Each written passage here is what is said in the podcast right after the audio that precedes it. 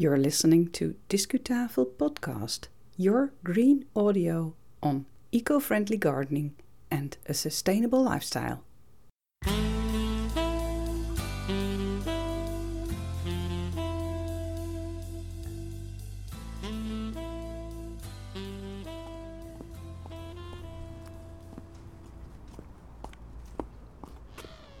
Hello, girls.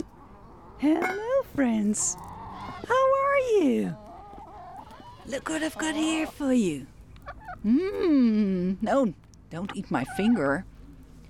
Just eat this corn and seeds. Enjoy.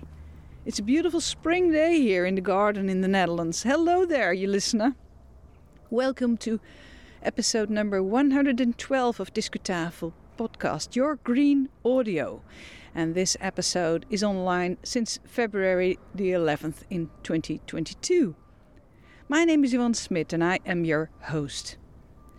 Most episodes are published in Dutch, but today it's the time to listen to another episode in English again. It's about a pinetum. I visited a pinetum recently. And I'd invite you to listen to the story of some big, big pine trees and the curious adventures of a certain Mr. Wilson.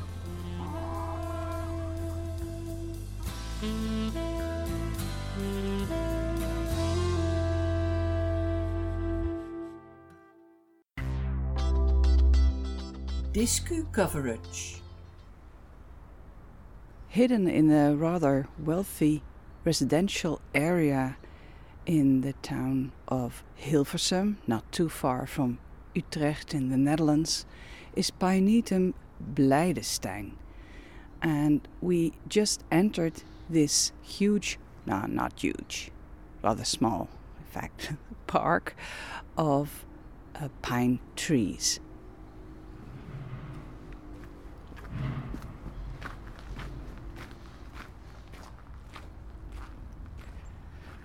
Pinetum is a plantation of plants which have, um, as we say, naked seeds. Think of pine trees or other conifers.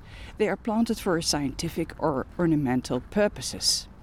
It seems that uh, in the whole world there are about 1,000 species of um, these plants, naked seed plants. And here in Pinetum Blijdenstein, there are apparently about 400 of them. So that's, that's that's quite a lot.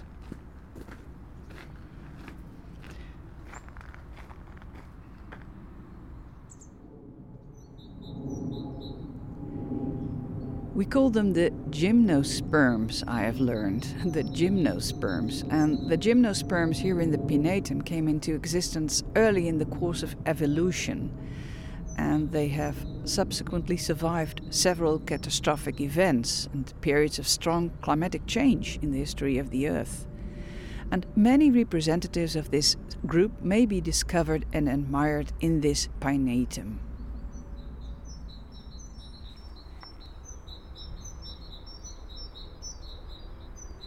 This pinetum was um, a creation of Henrik Copijn, and he made it in the English uh, style, popular garden style of that time, a romantic style.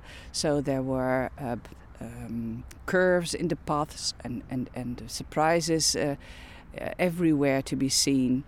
Um, there used to be a huge um, tropical uh, conservatory, uh, greenhouse, but uh, that has whole disappeared, I'm afraid part of the garden was uh, for ornamental reasons, and part of the garden was um, for, for growing uh, vegetables and, and fruit and flowers for in the house, I suppose. But uh, an important part of the garden uh, was intended to uh, be host for lots of exotic plants from around the world. The gentleman who owned this place here, Mr. Blijdenstein, he wanted to collect these plants. And he got interested in uh, exotic plants when, uh, when he worked in London. He was friends there with the director of the uh, Kew Gardens there.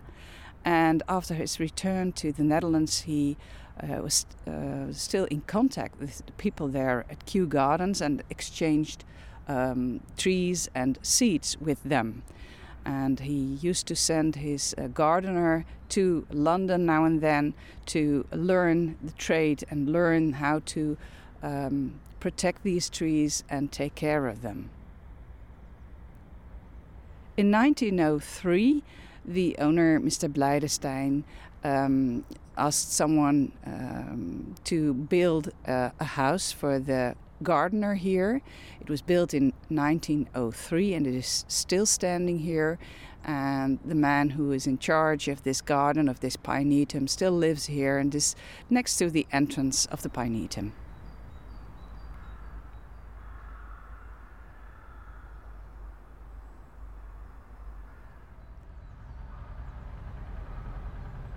My apologies for the sounds of the uh, machines in the in the background. Uh, they're um, making um, some road repairs or building houses or destroying them. I don't know, but um, it's it's a very big contrast with the beautiful Pinetum where I'm here now, and um, I, at the moment I'm standing near a stumpery and this is a very intimate piece of the park and um, various um, stumps seem to embrace a collection of bracken. Stumperies are an English invention which dates to the 19th century. Um, there was a gardener there who um, uh, had to uh, cut down lots of trees and he was wondering what am I going to do with these stumps? And then he got the idea of placing these stumps next, uh, uh, next to the, the garden paths and planting some bracken and other plants between them. During that time in the 19th century, um, it was um, very popular to have very formal gardens, and people uh, um, wanted to um, have more romantic garden instead. So he was just in time with his idea of a stumpery. It looks beautiful, it looks romantic, but such a stumpery also has an ecological function in the garden because there are lots of tiny places where insects and small mammals can hide.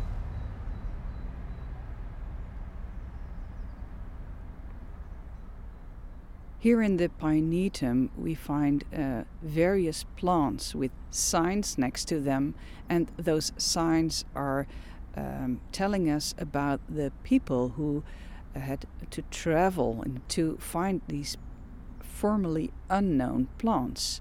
And this one where I'm standing now is a, a rhododendron. Uh, it was found in a special area um, in the beginning of the 20th century, somewhere in China. It was found by an Englishman with the name of er Ernest Wilson. But when we look at the name, the Latin name of this rhododendron, it's called Rhododendron williamsianum. And that's Mr. Williams. He was a very rich collector of rhododendron species. But the finder, the Western finder, Mr. Ernest Wilson, he uh, he was the one who found this plant, and he is also responsible for uh, lots of other um, plants, taking them to the west, like uh, clematis, a buddleia, um, various rhododendron species, acers, and viburnums. He died in 1930, this Mr. Ernest Wilson, and he died as a consequence of a car accident in America, which is rather strange for a traveler who had to um, overcome various um, difficult situations in China on his travel. But that, that's what happens.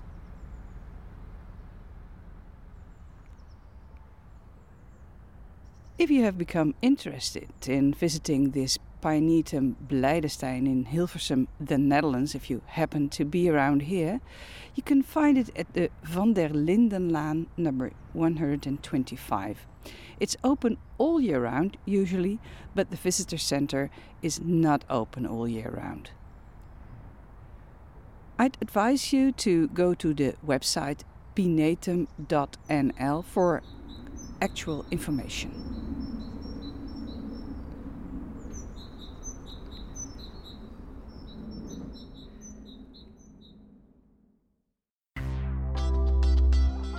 Discu finish. Back in uh, our own city garden with the chickens next to me. Thank you for listening to another show of Discutafel podcast. If you'd like to know something more about the Pinetum Blijdenstein in the Netherlands, perhaps you'd like to see some pictures, please go to our show note on discutafel.nl.